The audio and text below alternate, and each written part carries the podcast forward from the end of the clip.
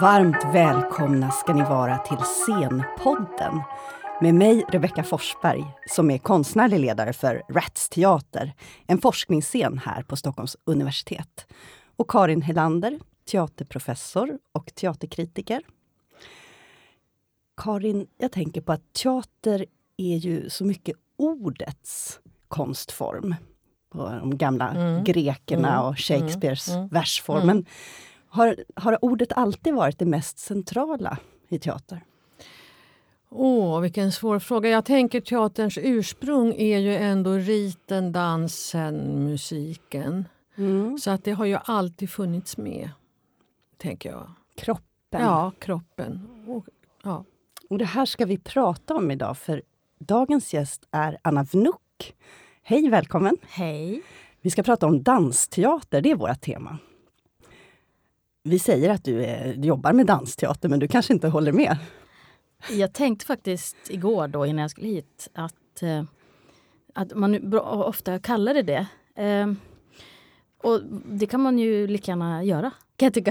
att ja. det är ett bra ord. Alltså egentligen inte, det kanske egentligen är scenkonst eller bara föreställningar, brukar jag tänka för mig själv för att jag inte bara ska låsa mig. Men sen kan jag också tycka att nu dyker jag totalt in på ämnet ja, här nu. Ja, ja. Men eh, sen tänker jag också att det inte alltid är så att man berättar med rörelsen. Utan ibland tycker jag att jag också pratar ganska mycket med ord. Mm. Och att dansen berättar någonting mellan raderna. Eller inte alltid för fram historien heller. Utan, alltså, jag skulle egentligen tycka att Mats Ek var, gjorde dansteater. Mm. Fast han kanske kallade sitt för neoklassiskt på den tiden han mest gjorde ja, Carmen. Och Men han jobbar ju med ord också. Jag tänker mm. spök Mm. Sonaten mm. Strindberg och Köpmannen i Venedig, Shakespeare och så. Eller? Precis, och det skulle man kanske inte kalla dansteater, eller? Jag tänker att, att just ordets, ja, i ordets rätta bemärkelse att det var hans tidiga verk kanske är, och även Birgit mm. Kullberg mm. som att berättade en historia med bara dans. Just det, koreograferna, ja, Birgit Kullberg. Ja, just det. Som gjorde ju Fröken Fuli till exempel, eller Medea. Mm. Mm. Som dansdrama verkligen, balettdansdrama. Mm.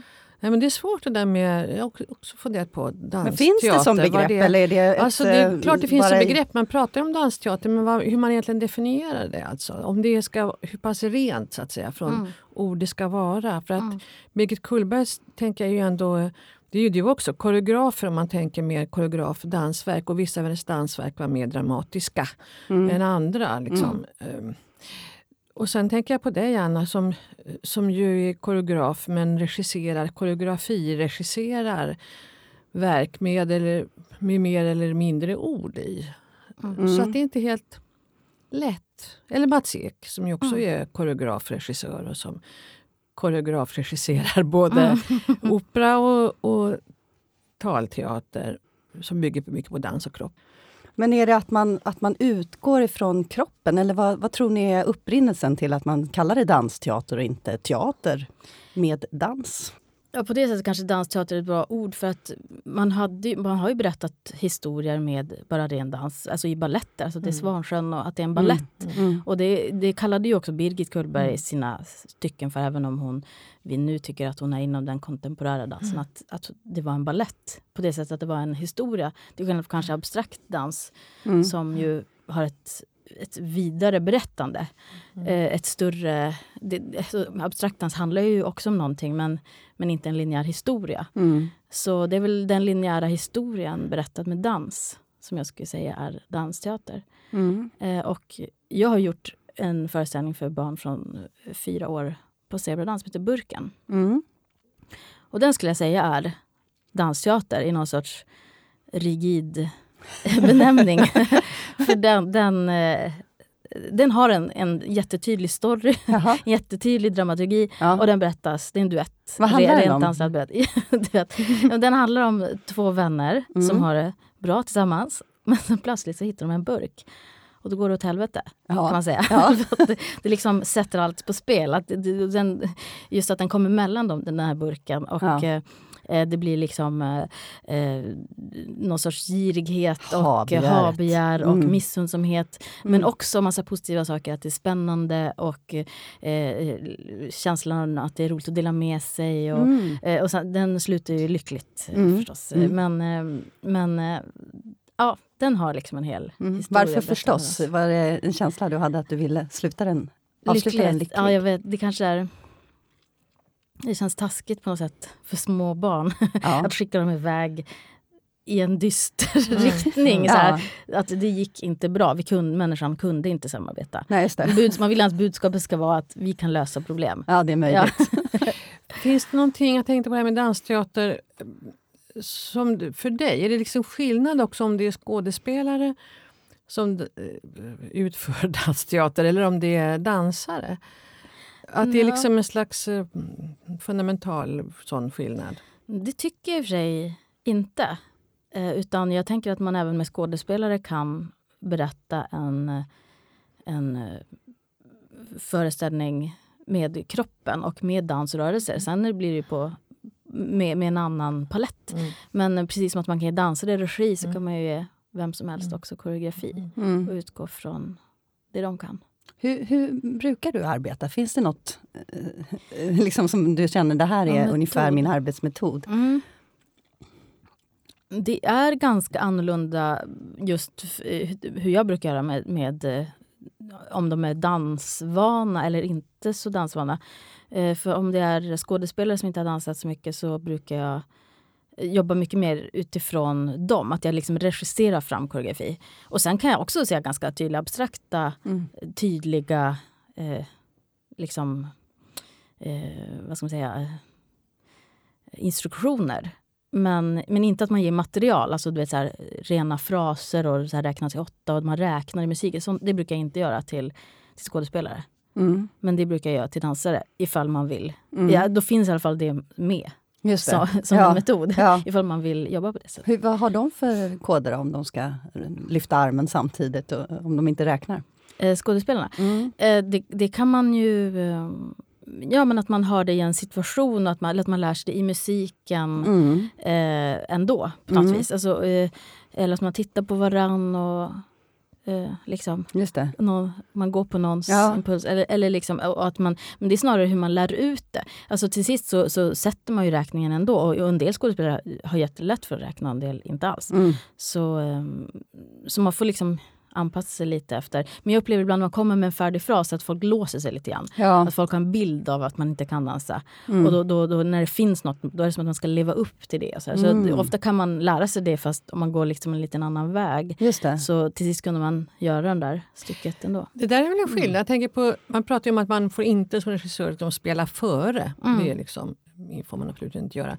Men koreografer dansar ju ofta före. Så att säga. Precis. Eh, vad gör du? ja, men det har jag tänkt på mycket, att, att, det, att det inte anses eh, alls fint. Och, och, och, det, det, det är ju det som koreograf är det man har, det är det som är manuset. Eh, sen kan man ju jobba fram material på just massa olika sätt. Och, bara så att vi inte blir för abstrakta, för jag tänker ja, det är många som inte arbetar med scenkonst. Man mm. säger det här, eh, arbeta före, vad, vad menar vi då? Ja, om man, om man, är en koreograf som, ger, som har tänkt ut en koreografi, ett stegmaterial, mm. så, um, så, så, brukar man ju traditionellt sett lära ut det. Att man visar upp det. Och jättepetigt och säger så här, nej inte så med handen utan lite högre upp och det är exakt specifikt hur man vill ha det. Så mm. lär sig danserna det. Mm. Men inom teaterskådespeleri så brukar, man inte, brukar inte regissören gå före och liksom spela upp exakt hur de ska Gör så här, titta på mig. Nej, inte så, mycket så. så här ska du spela scenen. Ja. Eh, så, så, gör, så gör man bara inte. Nej, men så, så, så är inte traditionen. Mm. Eh, men eh, det är säkert jätteolika. Jag är ingen expert, det kanske du vet Karin, men, men Bergman var väl jättepetig med scenerier. Ja, ja, ja, oh, ja. han hade väldigt fast utlagda scenerier. Ja, och viska mm. folks öron. Allting.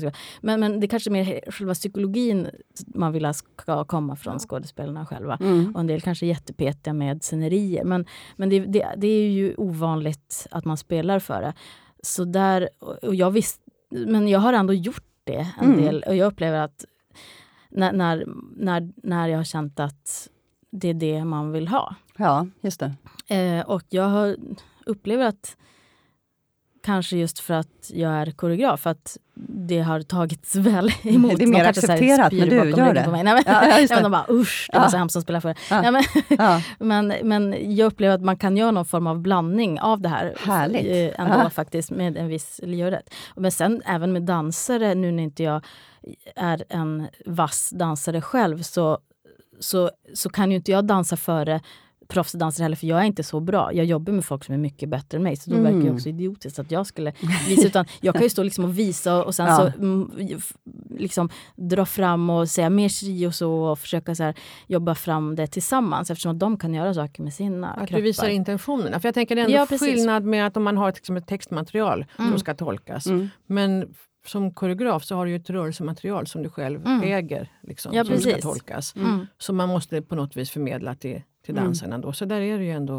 mm. skillnad. Men har du ofta en koreografi klar när du träffar skådespelarna eller dansarna? Eller jobbar du med mm, improvisation? Ja, nu för tiden så jobbar jag väldigt mycket med improvisation. Eh, och i, I början när jag startade, det tror jag också är en fråga om kontroll. Men i början så var hela föreställningen klar i stort sett. Så lärde jag bara ut den. Mina tidiga föreställningar. Ja, ja. Eh, och det tror jag var eh, de var gjorda ganska mycket utifrån mig och mitt rörelsespråk. Mm. Eh, och jag var med själv.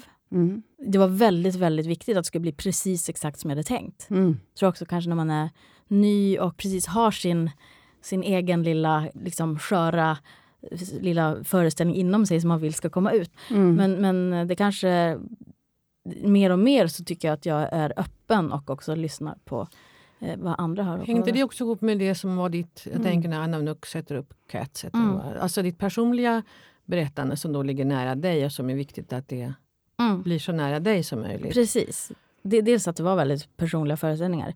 Men även dansmässigt tror jag att jag tror liksom lite att för mig var det någon sorts, att, att göra de här egna sakerna var också en personlig resa. Jag, jag hade ju liksom inte gått och utbilda mig till koreograf eller regissör utan jag var ju en en dansare som plötsligt ville berätta min historia. Mm. Eh, och, och, det var inte bara min historia, utan även dansa på mitt sätt. Eftersom mm. att jag är ju ganska kort mm. eh, och gick på Balettakademin. Och det var som hela tiden att man, allt var man tvungen att ändra för att liksom passa in i dansmallen. Man måste dansa större och större. Och liksom hela tiden skulle man dansa större, upplevde jag det som. Ja. Och, eh, och liksom skarpare. Alltså, jag, liksom, jag, jag upplevde att eh, och självklart ska det vara så på en utbildning att man måste kunna vara lite bred och man ska kunna jobba med dans, man ska kunna olika stilar och så. Men, men liksom så här, förstår jag Man, mm. man, man kämpar mot något håll som bort, från, ja. bort från sig själv såklart. Ja. Och, så, och, så, och så är ju, om man ska jobba som dansare med massa olika koreografer så, så behöver man ju kunna röra sig på olika massor sätt. av olika sätt. Ja. Men identifierar du dig med någon särskild eh, genre eller stil eller som du som fostrar dig och som du sen utvecklar? Ja, jag kommer ju från någon sorts så här, populärkulturdans med Madonna och Michael Jackson. Och, och jazzdans var ju liksom det som jag, som jag kommer från, den mm. musik som jag lyssnade på. Och även jazz som jag lyssnade på också när jag var yngre. Eh, och eh, det som jag upplevde som min grej. Men det jag skulle säga var också att, om jag backar lite, att, eh, att själva just det, att, att berätta sin historia också var, var liksom en, att få dansa på sitt sätt. Eh, liksom att jag tänker, jag tänker liksom ta in folk så ska alla dansa pyttelitet och mjukt, precis som jag. Alltså att man inte så ska dansa som mm. någon annan har bestämt. Så, så det, det höll jag på med också ganska många år. Att ha ganska, liksom att jobba ut efter mitt eget kroppsspråk. Formspråk också. Ja. Och nu kanske jag, när jag inte är med själv på scenen, så kan det gå massa olika håll egentligen. Även om jag tror att man ändå känner igen mm. väldigt mycket mm. att det är min föreställning. Så, så, så kommer du från dansarna och skådespelarna på ett annat vis. Mm. Hur, hur, skulle du beskriva arbetsprocessen? Jag tänker antingen med den som jag, jag tror också Rebecka såg, och din senaste var Hela familjen heter det, va, som mm. var på Skärholmen. Eller Eh, där det var en blandad ensemble vill jag minnas, skådespelare och mm. dansare. Eller jag tänker på den som du fick Teaterkritikernas pris för, Kött, på Backa Teater mm. för några år sedan. Hur, eh, om du väljer någon av dem eller någon annan med sån lite blandad ensemble, hur, hur går du tillväga? Liksom? Vad gör du första dagen och hur ser det ut sen? Jag brukar försöka att inte... Eh, att manuset ska bli så så heligt just för att det då glider över på orden. Då sitter man och stirrar på det och, mm. och liksom väger orden. Alltså, för mig är inte orden det viktigaste i, i pjäsen. Och du har skrivit manus själv innan då eller? Ja. Ja precis, så jag, jag mm. kommer med ett manus men det, de manusen är väldigt glesa. Allting står där mm. tills man kommer efter flera månader så här, har fått så här, lön som dramatiker så är det typ så här, åtta sidor. men hela föreställningen står nedskriven där. Kan, men, men ibland står det så här, här är en scen som är tre minuter lång där den här musiken spelas och det här händer och Just den här det. känslan får man. Ja. Och, och, alltså, så, liksom, det finns liksom i mitt huvud, mm. eh, mer eller mindre. Och har du valt musiken innan då också samtidigt som du gör liksom, dramaturgin för Ja, i den, i, när det har varit för, mm. för eh, vad säger man, förinspelad eller mm. sån befintlig musik ja. heter det. Som då jag har kunnat bara välja mm. av all mm. musik. Men uh, ibland är det nyskriven musik och då, då är det ju inte alltid klart precis innan utan Nej. det går lite omlott. Um, ja, men då är du där första dagen mm. i ensemblen. Och då brukar jag på kollationeringen då, som, som det heter, första dagen. Mm. Så då sitter alla där, då är, då är det skådespelare och folk från huset om man är på en teater. Att det är de som är på eh, producenter och så ljus och ljud och mm. scenograf och såna. Eh, och, och sen brukar jag liksom försöka så målande som möjligt bara beskriva hela föreställningen och prata igenom den själv. Och i den mån det är liksom exakta repliker som i i Hela familjen till exempel, som gjorde på Skärholmen, så då var det mycket dialog färdigskriven. Eh, mm. Eh, och så, då läste vi den och sen var jag tvungen att prata emellan allt som hände mellan och hur det skulle vara och hur det skulle kännas och se ut och sådär. Så, så då tar vi liksom igenom hela föreställningen och försöker få en jättetydlig bild mm. av visionen. Och sen när ni tar upp er på golvet då, vad händer då? Och då brukar jag också jobba ganska löst, alltså att vi bara jobbar på golvet direkt. Jag brukar börja jobba faktiskt med bara rena improvisationsövningar som är super, superlätta. Bara för att man ska komma när, nära varann och liksom ett gemensamt språk. Eh, så att det inte känns som att direkt man börjar röra sig så är det mm. pjäsen. Utan då är det liksom en, en förutsättningslösa övningar bara för att vi ska också skapa ett gemensamt språk. Så sen då när vi ska göra en scen, då bara, ja men gör lite som, som vi gjorde där när ni rullade runt på golvet. Alltså, mm. så, då kan mm. man liksom hänvisa tillbaks ja. till olika... Ja, framförallt skapa massa olika metoder mm. liksom i hur vi hur, vi ska jobba. Och, ja. och, sen är det också, om inte jag har, liksom, känn, har jobbat med folk innan, utan då, då är det ett sätt för mig också att se lite grann vad folk men hur folk jobbar och vad de har för mm. sorts utstrålning och rörelser mm. i sig. Liksom. Mm. Eh, och då, då, jag tycker också man skapar ett språk och skapar en stämning. För mig är det jätteviktigt att det blir en bra tillåtande stämning i, i rummet. Eh, för jag tycker det skulle vara väldigt svårt att ens börja jobba liksom, om man inte kände tillit och att det var eh, högt i tak. Utan ja, det skulle kännas mm. väldigt eh, svårt även för mig och säkert mm. för dem också då som mm. inte får bestämma. Jag tänker att om du har den där tillåtande atmosfären så blir du mer kreativ själv också ja. som regissör. Att det inte bara är liksom ensemblens ja, kreativitet utan din, din kreativitet. Ja, man ska också våga sig ut på lite nya ja, marker. hav, till exempel, ja. förhoppningsvis. Och sen också eftersom att i, i den mån de här föreställningarna som vi nämnde nu, då är ju på teatrar och, och folk är väldigt trygga då kanske i sitt skådespeleri. Men det är inte säkert, en del kan vara jätteosäkra kring att dansa. Det är väldigt mm. olika. Mm. Eh, så, så då är det jätteviktigt mm. att inte de känner att de ska göra våld på sig själv på något sätt. Utan att man bygger något förtroende i att det här kommer bli bra ihop. Liksom. Mm. Vi ska bara gå dit. Liksom. Men jag tänker också på ämnen som du har valt. Det har ju varit väldigt mycket personliga ämnen. Kan du inte berätta mm. någonting om, om de ämnena som har varit betydelsebärande? Första delen av min, mitt yrkesliv hittills har varit dels är liksom ett, ett tio år, tio, tolv, då jag var dansare och dansar i alla produktioner, i vad som helst egentligen, för att försörja mig. Mm. Och har haft väldigt roligt och givande. Och sen är det den delen då jag liksom gjorde föreställningar med mig själv, såna här Anna Vnuk-föreställningar som alltid hette något med mitt namn. Och de var ju väldigt personliga, helt uppenbart personliga. Men egentligen kanske inte mer personliga än något annat heller, men att man förlägger historien, att den inte är jag-form på samma sätt. Mm. Men, men, de här föreställningarna där jag själv var med var ju någon form av jag-form. Mm. Mm. Debuten hette ju Solofestival med mig själv. Mm. Och, eh, men men, men det, det var ju någon sorts ingång in i mm. ett eget konstnärskap. Mm. Den heter Solofestival med mig själv och handlade då om själva händelsen att en dansare kliver fram och säger så här, jag har ett namn mm. och jag har en historia. Mm. Och nu tänker jag säga den. Mm. Och så eh, och kom liksom från dansaren, en dansares historia. Liksom.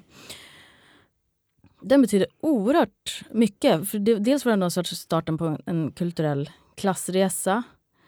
Eh, och, eh, och att hitta sitt språk. Alltså det var väldigt dramatiskt för mig personligen att liksom ta det steget och bara mm. dyka ut och göra den föreställningen. Och, och sen svischade det som bara på efter det. Det var som att jag bara öppnade en mm. dörr och sen bara gick mm. in igen. Och sen var det Anna Vnoxetrup Katz som handlade om att bli dumpad, vilket jag också råkade bli.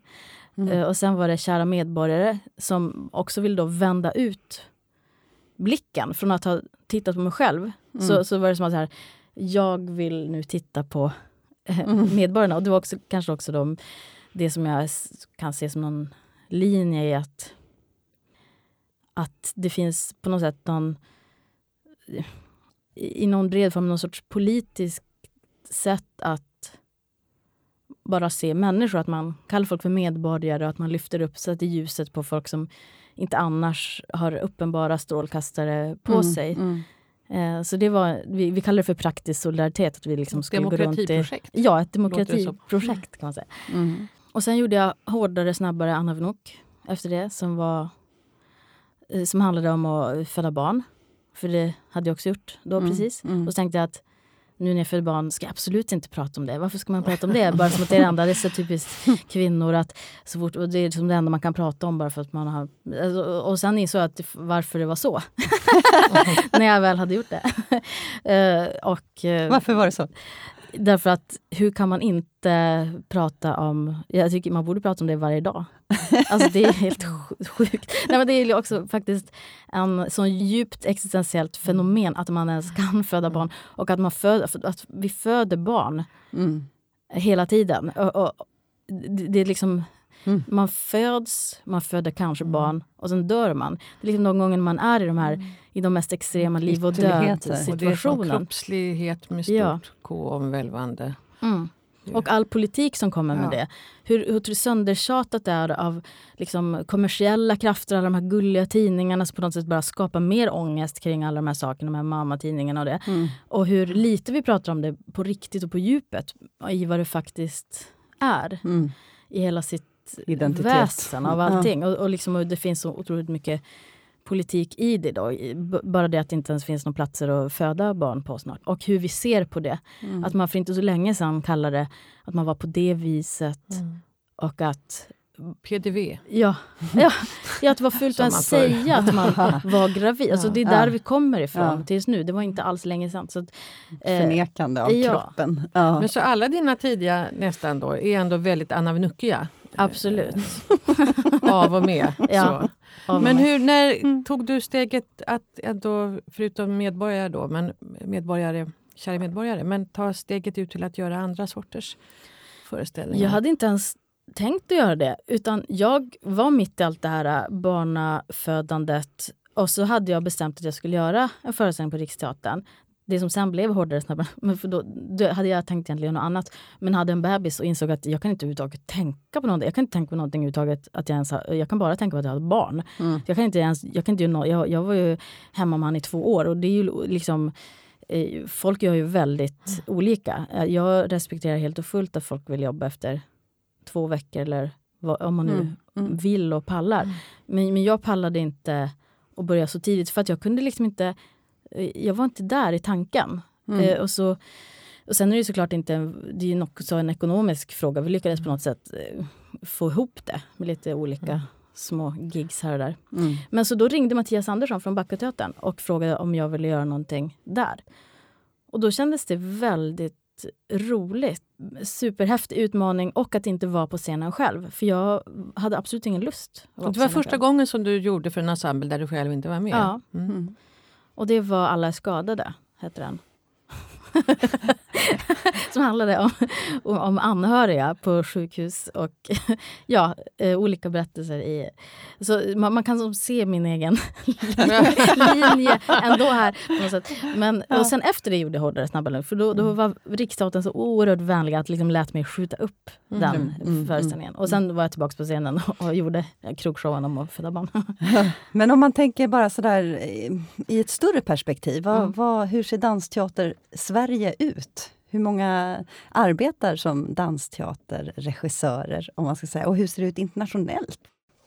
det är det som är så svårt eftersom vi inte riktigt kan definiera begreppet. Men jag tänker mm. om man börjar med Sverige. Vi har pratat om Mats Ek som ju är liksom självklar att ta upp om man pratar om dansteater. Mm. Men han är ju koreograf och har ju liksom, eh, verkligen etablerat. Ja, verkligen mm. etablerad koreograf. Men har ju också koreografi, regisserat dansteater från alltså Strindberg och Shakespeare och så. Mm. Birgitta Egerblad måste man väl också mm. nämna mm. som ju också är koreograf, regissör och som också arbetat med både texter och improvisationer och utgår mycket från vad jag förstår också skådespelarna och dansarnas eh, egna jag och personligheter och kroppar mm. och så.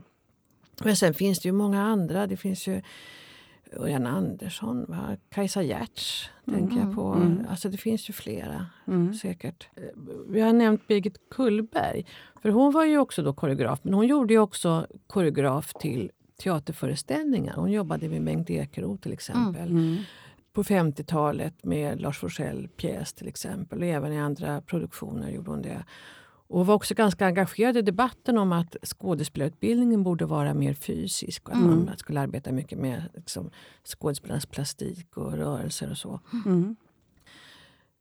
De har lite olika inriktningar, ja. utbildningarna, ja. i, i mm. fysisk Sen har vi, vi har ju mimutbildningen också på Stockholms mm. konstnärliga högskola. Där hade, gjorde du en fantastisk slutproduktion. Uh, Möta hösten tillsammans. Mm. Kan du inte säga någonting om arbetet med mimskådespelarna i den? Ja, det var väldigt lätt Eh, för att eh, det var väldigt likt att jobba med dansare. Och de, dels är det en underbar grupp, och, eh, men de är också väldigt självständiga. Vi pratade ju lite om det innan med att, eh, att meme-världen eh, är ju så liten.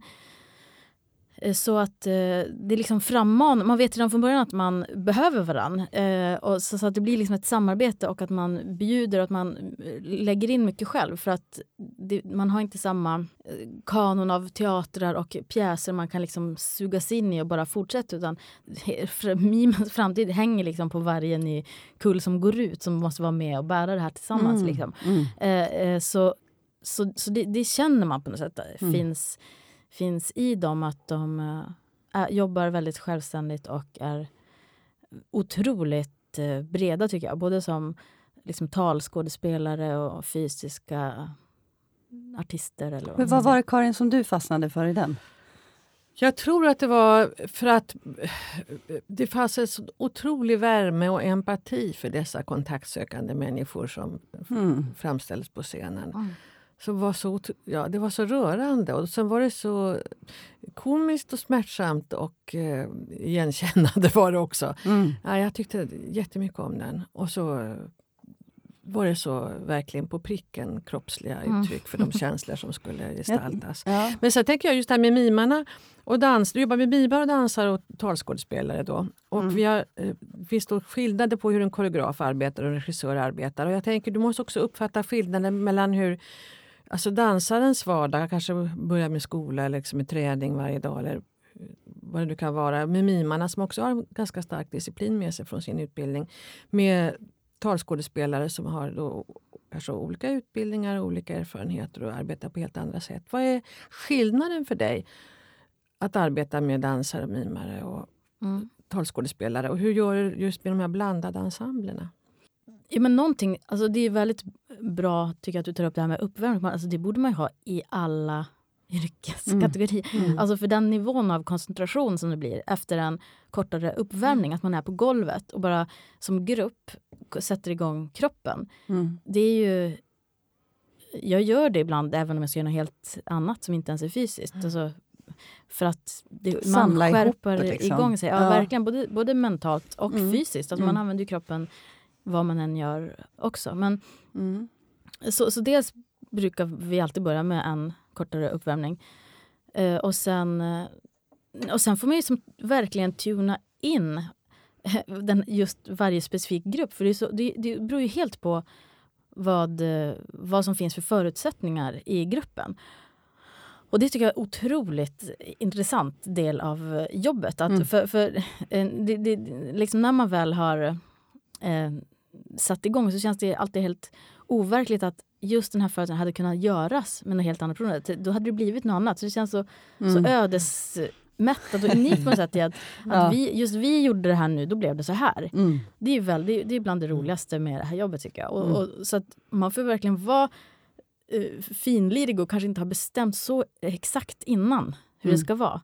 Eh, för så, så kan jag ha tänkt ibland. Så här, ja, då gör vi det här första dagen. Och försöker så här, vissa saker tror man är lite utmanande. Men här, den här scenen, den här kommer vara körig. Alltså det, här, det här kommer vara sitta långt inne. Liksom, så. Ja. Sen bara, jaha, nej, ja, då, det var det. det. Den var inte alls ja. det, där. Så att den första försöket, det, det, var det som jag tänkte. Och vissa saker som man tror är busenkla, man kan inte fatta, så bara fastnar man på. så här. Mm. Så, det, så det är liksom inte helt uh, givet hur man får vara helt öppen för. Och ibland är det folk, så händer grejer. Så folk som bara, eh, har man tänkt som har visat sig att någon har ont i knät. Så, ja, förstår man, mm. man får liksom vara lite liksom öppen. Vilka fördelar tror du att, att eh, liksom du som regissör och koreograf har i och med att du arbetar med kroppen?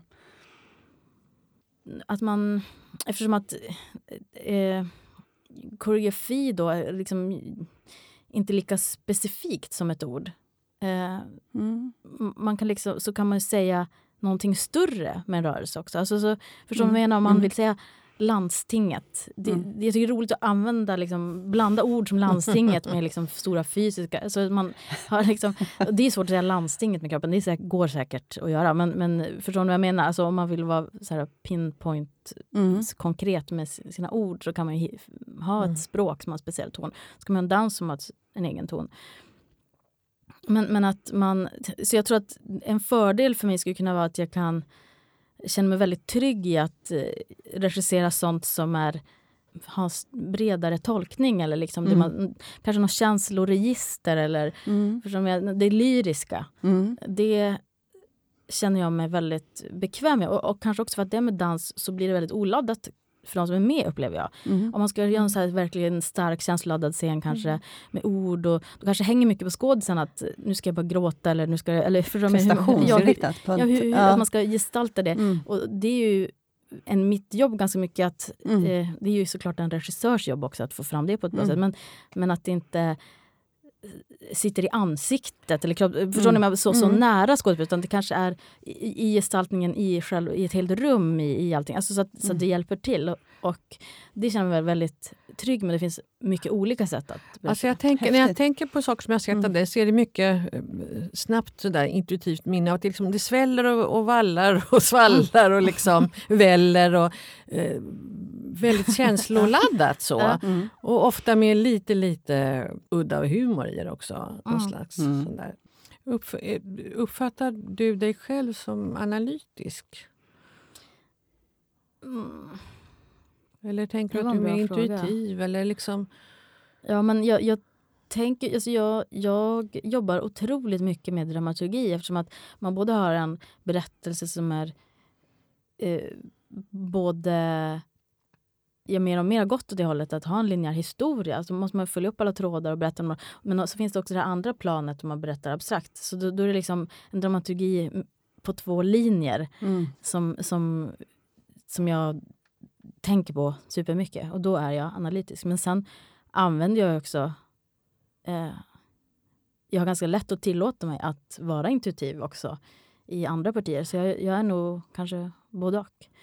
Men om det var min fördel, som jag sa tidigare, där med att kunna mm. skildra här, de här lyriska bitarna i, i liksom, hitta olika sätt att gestalta det, så, så, så tror jag en nackdel, eh, något som inte har gjort så mycket, är ju liksom personregi eller att vad ska, man säga, just ordens, alltså äh, det finns just i, det, i tech, det, tänker jag mig att jag ska bli bättre med, med åren, allt såklart, jag vill ju utvecklas.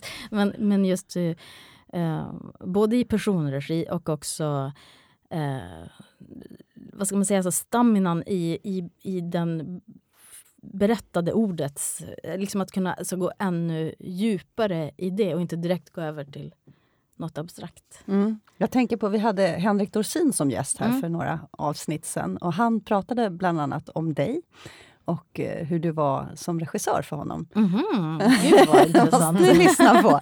Eh, han, säger, han nämner att, att eh, det var en, viktigt för honom att det var du som regisserade, för mm. att de vågade ett allvar som gruppen, mm. eh, som de inte tidigare hade kommit grotesco, åt. I Grotesco, mm. precis, på Scalateatern.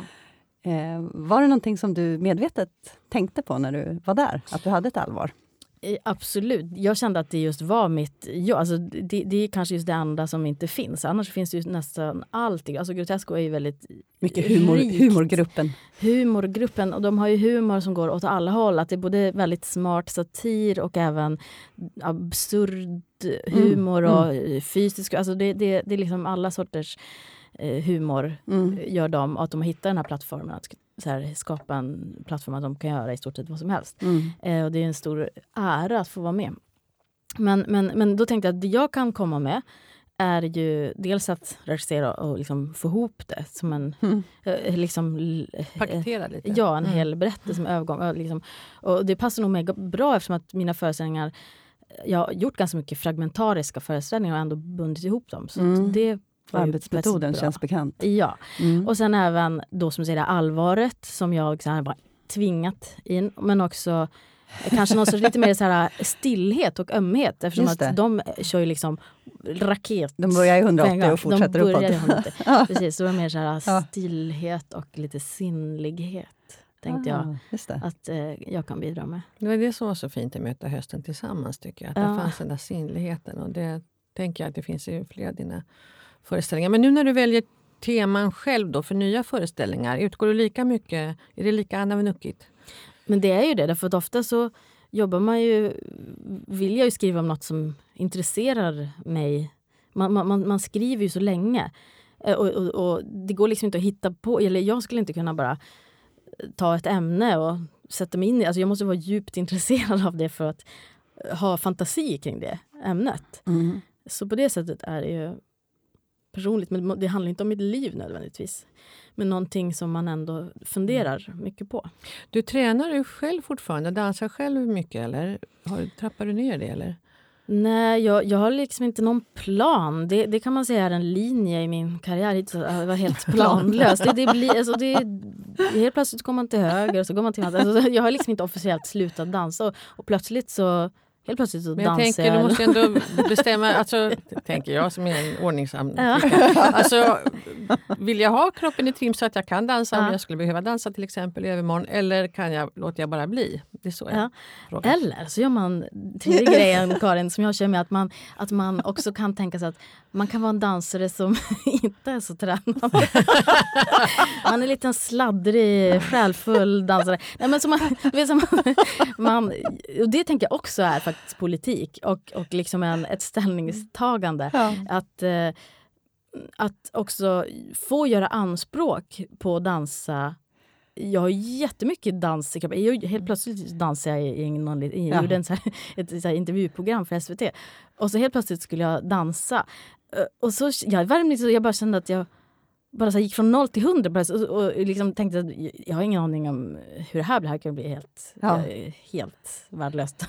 Men så, så tänkte jag jag ska verkligen våga göra det och, och, och bjuda på det. Alltså för jag menar, jag... jag eh, ja, hur ska jag säga? Alltså, ibland ser man liksom eh, Youtube-klipp med såna här äldre kvinnor eller män som inte har den mest vältränade kroppen som liksom dansar hjärtat ur sig. Mm. Liksom. Mm. Mm. Eh, och en sån tänker jag mm. bli. Eh, mm. liksom, eh, att man bara fortsätter dansa utifrån sin egen lust som inte handlar om att man måste så här, träna så man är i form. Utan snarare bara dansa. Mm. Eh, för att man vill. Så, alltså, man skulle inte kunna anställa mig till någonting.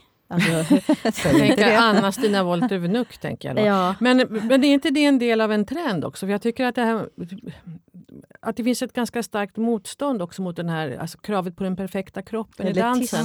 Ja, just det. Och att det ändå finns ja. många grupper och rörelser och koreografer och dansare som verkligen tillåter mm. många olika sorters mm. kroppar, kroppar att få eh, dansa en politisk handling ja, kanske. Faktiskt. Vi pratade om det där med sanningen också. Att, uh, att man, I tidigare program har vi pratat mm. om att man längtar efter... Eller det finns en förväntan på att det som sägs på scen ska vara sant. Just det. Uh, och det är lite samma sak med att mm. man förväntar sig att det ska vara vältränat. Mm. Men att det finns någon motrörelse nu som, mm. som kanske du och några flera konstnärer står mm. för. för där man känner att man går inte med på det där. Det behöver inte vara sant. Det kan vara fiktion. Det ja. kan vara hjärta istället för teknik. till exempel. Ja. Ja, men, och, och, båda behövs ju verkligen. Alltså, jag, jag uppskattar oerhört mycket att gå och titta på virtuosa. För alltså, helt plötsligt, jag har ruinerat mig på operan alltså, nu mm. senaste tiden. Mm. Dels känns det som att, jag vet inte om det är då en cykel för mig eller om det är väldigt extra roligt där nu till den. Mm. Kanske ni har bättre koll på, ni som är mer regelbundna besökare kanske. Eller, men, men, men jag har jättes, liksom, stor önskan att mm. titta på, mm. på ganska traditionellt traditionella uppsättningar. Kan du låna lite då? Kan du sno lite? Liksom sådär. Får du, åh det där liksom, det kan jag ta med mig, det här kan jag lägga in. Och...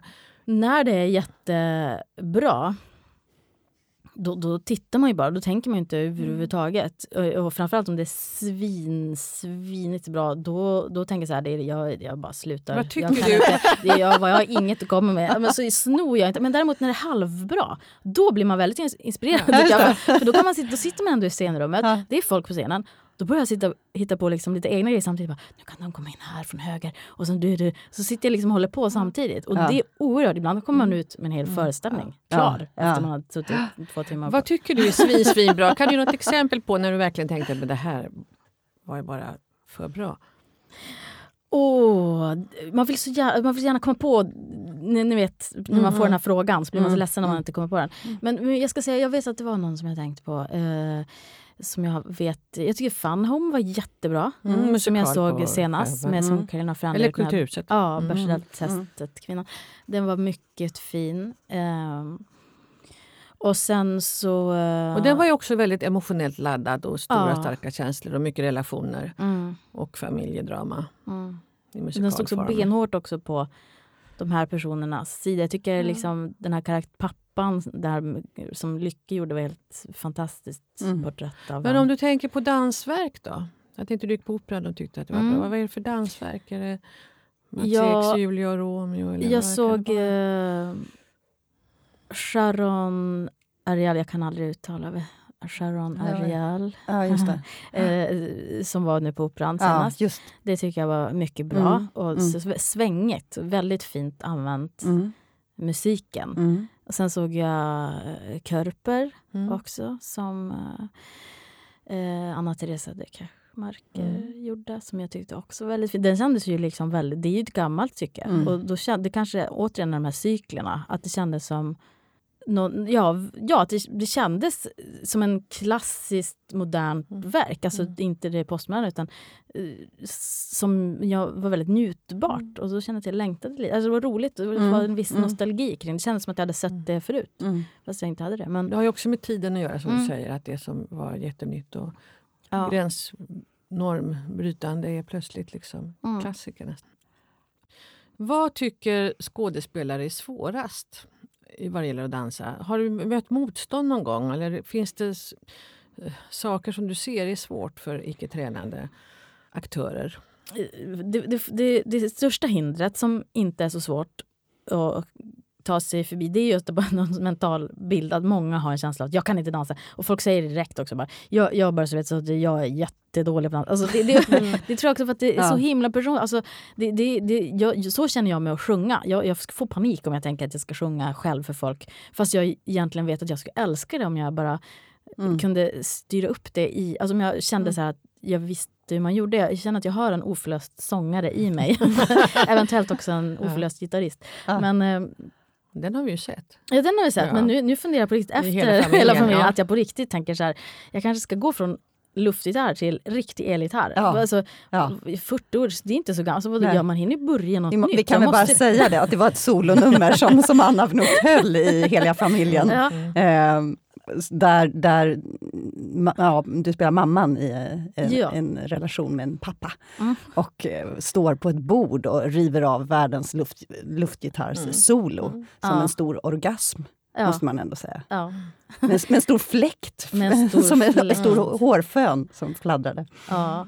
Mm. det är en liten fin omskrivning. Eller vad ska man säga? Ja, man, ja, man, precis. Det, det, det, är också en ganska lagom gestaltning av för just barn från 12. Så antingen kan man se det bara som luftgitarr mm, ja. ifall man känner ja. att det känns bäst. Man kan också se det som någon form av eh, sex eller onani om man, ja. om man har sån mm. fantasi. Mm. Så man får liksom välja. Du vet alla vilken fantasi jag hade. ja.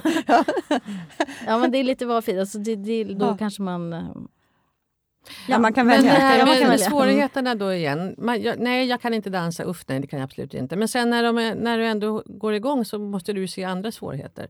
Ja, till exempel viktförskjutning. Det, det är en sak som man tror som är eh, mm. svårare än man tror. Så, så, som jag glömmer varje gång. Att, så, ganska enkla steg med rytmer som är lite off. Alltså vad ska man säga, mellanrytmer och, ja. synkoper och så här. Om det inte är väldigt eh, Även musikaliskt, det, det behöver inte handla om musikalitet utan det, kan, det, det är snarare att man lägger musikaliteten på det stället på just foten eller höften. Jag förstår mig att det mm. ska transformeras till sin mm. kropp. Mm och sånt gör jag ganska mycket. Och varje gång, jag tror själv alltid att det är lätt och sen visar det sig att sånt var svårast. Mm. Eh, och, och, och, och, att ganska små steg-grejer, alltså, det, det, kan vara svårt. Snarare än att bara springa vid en hoppa och kasta dig ner. Alltså en sån kan vara mycket lättare än liksom en, mm. någon så här mambo-grundsteg. Mm. Är mm. svårt. Mm. För tycker jag man ser på en helt vanlig Friskis och svettis-pass. Ja, ja, ja, visst. Jättesvårt med viktförskjutningar och ja. bort, alltså rytm, mm. rytmiseringar av kroppen och så. Det är sånt som är otippat mm. kanske svårt mm. om, man, om, man, om man har lätt för det själv. Men sen så uppenbara svårigheter kan vara att vara off balance, att man liksom lutar sig utifrån liksom, tyngdpunkten. Alltså mittpunkten. Den nat precis, ja. naturliga mittpunkten. Att man lutar sig åt sidan. Alltså sådana saker. Man Omedvetet måste... om, sitt, om sin kroppsrörelse? Nej, jag menar om man vill göra det koreografiskt. Alltså ja, man ska ja, tänka vad som är svårt, är svårt, för någon som inte. Mm. Men, men, men sånt är också sånt som är det man, en bra dansare är bra på också. Mm. Alltså att man, mm. att man kan mm. röra sig utanför. För om man bara står i sitt centrum och rör på armarna och benen är inte så svårt i sig. Utan det är just när man börjar röra sig utöver den. Mm. Vad är ditt ultimata drömprojekt? Jag gjorde ju eh, Skaka galler som, är en, som var en musikal som jag gjorde på Stockholms stadsteater. Och den vill jag göra igen. Jag, jag har ju vissa föreställningar som jag har tänkt att man skulle göra igen. Dels mm. tänkte jag på kött faktiskt. Alltså, mm. Dels för att den har, det, det, är liksom en form av sexualundervisning och att det är så många som har frågat efter den. Så den kan tänka så här, den, den borde sättas upp igen och på något sätt filmas eller på något sätt skickas, skrivas på något sätt så den kan skickas vidare mm. mer. helt enkelt. Jag vill nog titta, det finns ett jättekort Youtube-klipp på den eh, kött. Gör det man det? tänkte den där vill man ju se hela. Tänkte. Ja, mm, just det. Bra tips för alla lyssnare att ja. gå in och titta lite. Mm. Eh, och sen, men Skaka galler vill jag verkligen göra. Och det kanske är för att det är en musikal. Mm. Så, så, den är ju på ett sätt lätt. Mm. Alltså, och den vill jag, jag vill också ha lite revansch på den. För att det är en, nu en, en enaktsföreställning. Men då är det liksom en karaktär som man vill veta mer om. Så jag kände att vi hann, det, det tar så oerhört lång tid att göra en musikal. Alltså. Vi, vi typ ruinerade oss, jag och David Schutring och Mia Folkesson. Mm. För att vi jobbade så länge med den. Mm. Mycket mer än vi fick betalt. Så jag vill verkligen... Jag skulle göra den helsjungen och så vill jag göra den till en tvåaktare. Och sen vill jag bara... Oh, mm. Det vill vi se. Den gick på Kulturhuset Stadsteatern. Ja. Mm. Så om det sitter någon musikalproducent ja. där ute, ring, ring mig. Ja, verkligen. Tack Anna Vnuk för att du kom hit till studion och pratade dansteater med mig och Karin Helander. Tack Karin för Tack, Tack själv. det goda samtalet. Ja. Och får jag flika in? Ja, absolut. För Mats Ek sa ju någonting som ja. var klokt. Att inom den moderna dansen så användes, eller han har sagt någonting om att inom den liksom abstrakta dansen så sa man att the movement is the message. Mm. Men att mm. han jobbade inte så, utan att han använde movement för att give the message. Mm. Ah. Att man använder dansen för att berätta en historia. Eller om det är själva rörelsen i sig som är historien. Kan man säga som är skillnaden mellan berättande dans och abstrakt dans. Fint, vilket avslut! Hör oss igen om ett par veckor, då med en ny spännande gäst. Missa inte det.